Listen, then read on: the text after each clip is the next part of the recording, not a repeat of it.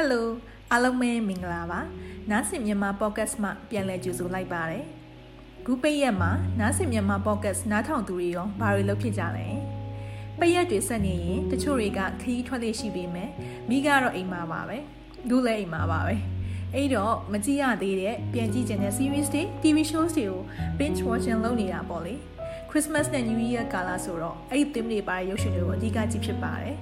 အဲ့ထဲကမှလွန်ခဲ့တဲ့9နှစ်2017ကထွက်ရှိထားတဲ့စက်ကားလေးတကားနဲ့မိတ်ဆက်ပေးကြပါတယ်။ကားနာမည်လေးကတော့ New Year's Eve ပါ။ New Year Eve ညမှာလူတစ်ယောက်ချင်းစီရဲ့ဖြစ်ပျက်သွားတဲ့အဖြစ်အပျက်လေးတွေကိုစိတ်ဝင်စားစရာကြည်နူးစရာအချိန်ဆက်မိမိပုံဖော်သွားတာပါ။ New York City Times Square က New Year's Eve celebration ဆိုရင်နာမည်ကြီးတာအကုန်သိပါပဲ။အဲ့ဒီမှာ Times Square Ball Drop celebration လည်းတစ်ခုပါဝင်ပါ။အဲ့ဒီအတွက်အဓိကစီစဉ်နေရသူကတော့ Claire ပါ။ သူကတော့ stress အပြည့်နဲ့ပေါ့ကလဲအဖေစတန်ကတော့မနီမဝေးကဆေးရုံတစ်ခုမှာကင်ဆာရောဂါနောက်ဆုံးအဆင့်ကိုခံစားနေရပြီးဆေးသွင်းကုသမှုကိုညှင်းဆန်ထားသူတယောက်ပါ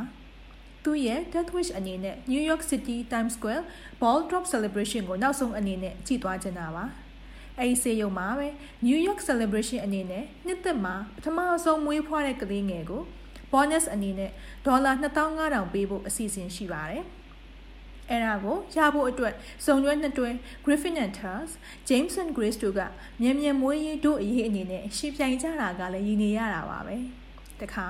Times Square show မှာ backup singer အနေနဲ့ဆိုဖို့တသစ္စာဆိုတော့မှလေ Alice ကလည်းဓာတ်လေကားထဲမှာပိတ်မိနေပြန်ရောအကြက်တွေရိုက်တာပေါ့နော်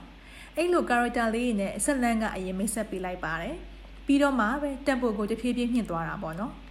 ဖြစ်ချင်တော့ New Year Eve နီးကပ်လာချိန်ညနေမှာ Times Square Ball မှာရှိတဲ့ LED မီးလုံးပြတ်တော့ Claire အနေနဲ့ electrician တွေလိုက်ရှာပေးမဲ့တခြားလူမရပဲသူတို့ company ကပဲအလုပ်ထုတ်ထားတာမကြသေးတဲ့ Kominsky ကိုစိတ်တထင်းထင်းနဲ့ပဲပြန်ခေါ်ရပြန်ရော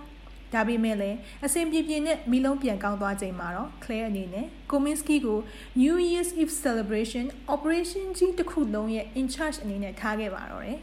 ကလေးကတော့သူမအဖေစတန်စီကိုအပြေးလေးသွားပြီးစတန်နဲ့အတူစေးရုံခါမိုးပေါ်ကနေစတန်ရန်ကြည့်ခြင်းနေတဲ့ Times Square Ball Drop Celebration ကိုအတူတူကြည့်ခဲ့ရပါတယ်။စတန်လင်းသူ့ဆန္ဒပြေဝပြီးမကြမီမှာပဲဆုံးပါသွားခဲ့ပါတယ်။ Claire အနေနဲ့လည်းသူ့အဖေရဲ့နောက်ဆုံးဆန္ဒလေးကိုဖြည့်ဆည်းပေးနိုင်ခဲ့တာပေါ့နော်။အဲ့ဒီစေယုံမှာပဲ New Year မှာမြန်မြန်မွေးရေးတို့အရေးအနေနဲ့အရှင်ပြိုင်ကြတဲ့အစုံတွဲနှစ်တွဲမှာလည်း Griffin and Tars တို့ကတားဦးအရင်မွေးပြီးမဲ့ James နဲ့ Grace တို့မှာထောက်ပံ့ဖို့ကလေးအကြီးနှစ်ယောက်ရှိသေးတယ်ဆိုတာကိုသိသွားချိန်မှာတော့ Griffin နဲ့ Tars တို့ကသူတို့ကလေးမွေးချိန်ကိုတမင်သက်သက်နောက်ကျပြောပြီး James and Grace တို့ bonus အနေနဲ့ဒေါ်လာ2500ရအောင်လုပ်ပေးလိုက်ပါတယ်။ James နဲ့ Grace တို့ပြောနေတာကြည့်ပြီး Griffin and Tars တို့ကလည်းကုသိုလ်လုပ်ပေးနိုင်လိုက်တယ်ဆိုပြီးပြောနေကြနေရဲ့။ဓာတ်လေကားထဲမှာပိတ်မိနေတဲ့ Alice ကလည်းနောက်ဆုံးတော့ထွက်ခွင့်ရခဲ့ပြီး Times Square show မှာ backup singer အနေနဲ့အဆိုနိုင်ခဲ့ပါတယ်။ ဒါပေမဲ့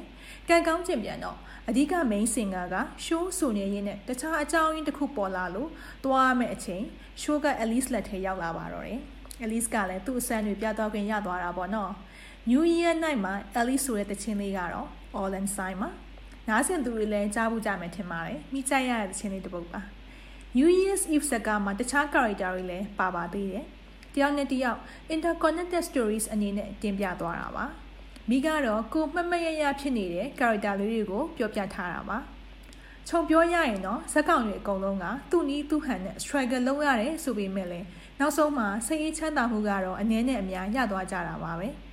မိသားစုနဲ့ပြန်ဆင်ပြေသွားတယ်ပတ်စံထက်စိတ်ချမ်းသာမှုကိုအဓိကရွေးချယ်သွားတယ်ကိုမထင်ထားတဲ့လူတွေစီကနေအကူအညီရတယ်စသဖြင့်ပေါ့လေခုလေ 2021ရောက်ဖို့ရနည်းနည်းလေးပဲလိုရတာဆိုတော့ New Year reflections တွေ New Year resolution တွေလုပ်ကြတာပေါ့နော်ကို target တွေပြည့်မီရရှိသလိုမပြည့်ရလည်းရှိတာပဲ COVID-19 impact ကလည်းအကြီးကြီးပေါ့ဒါပေမဲ့လည်းအခုချိန်မှာတော့ကံကောင်းစွာနဲ့ကျန်းမာနေတာကပဲဆုလက်တစ်ခုပါကိုကို physically emotionally support ပေးတဲ့အရာတွေအားလုံးကိုကျေးဇူးတင်ရပါတယ်ဒါတွေကတော့ New Year's Eve ကြည့်ရင်လည်းစဉ်းစားမိတာလေးတွေကိုနားဆင်မြန်မာ podcast နားထောင်သူတွေနဲ့မျှဝေလိုက်တာပါ နားဆင်မြန်မာ podcast နားထောင်သူတွေကခုပိတ်ရက်တွေမှာဘာလို့ကြီးဖြစ်ကြလဲပြောပြပါအောင်နော်နှစ်သက်မှာအားလုံးပဲကိုရောစိတ်ပါကျမ်းမာစွာရှိကြပါစေလို့နားဆင်မြန်မာ podcast ကနေဆုတောင်းပေးလိုက်ပါတယ်နောက်ပတ်မှာလည်းအဲနောက်နေ့ဖြစ်သွားပြီပေါ့နော်စိတ်ဝင်စားစရာခေါင်းစဉ်အမျိုးမျိုးနဲ့ပြန်လာခဲ့မှာမို့နားဆင်မြန်မာ podcast ကို like and subscribe လုပ်ထားပေးပါအောင်နော်အားလုံးပဲ happy new year ပါ